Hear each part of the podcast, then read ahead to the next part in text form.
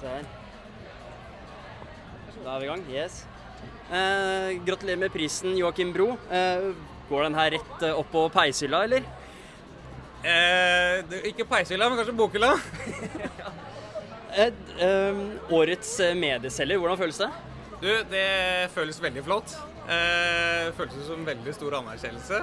Eh, litt surrealistisk, litt sånn eh, Veldig mye å ta inn akkurat nå. Ja. I jurybegrunnelsen så sto det at du alltid har stålkontroll. Føles det sånn? Har du det? Eh, det er kanskje ikke alltid. Men eh, jeg har relativt god kontroll. Men eh, det kan jo koke av og til. Når er det det koker som verst? Når det er veldig mye på en gang. Ja. Ja.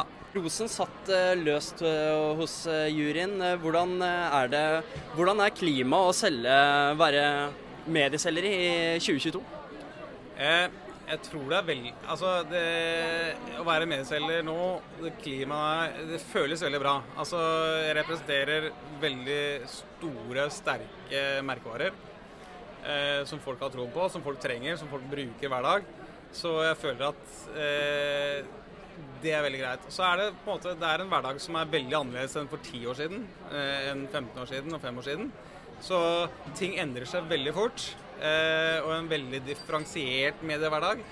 Eh, så det er veldig mye å holde styr på. Veldig mange forskjellige kanaler som skal tilfredsstille kundens behov hele tida. Veldig mye nytt som kommer til hele tiden. Eh, så det er mye å holde styr på. Men jeg føler at det å, representere så solide merkevarer som vi gjør, det er en trygghet. Kvelden er ennå ung, det er fullsatt sal. Hvordan skal det her feires? Det skal feires. Nå kommer det noen champagneglass her. Så det, det, det blir nok en liten feiring, ja. Da får du gratulere igjen. Hjertelig takk. Tusen takk.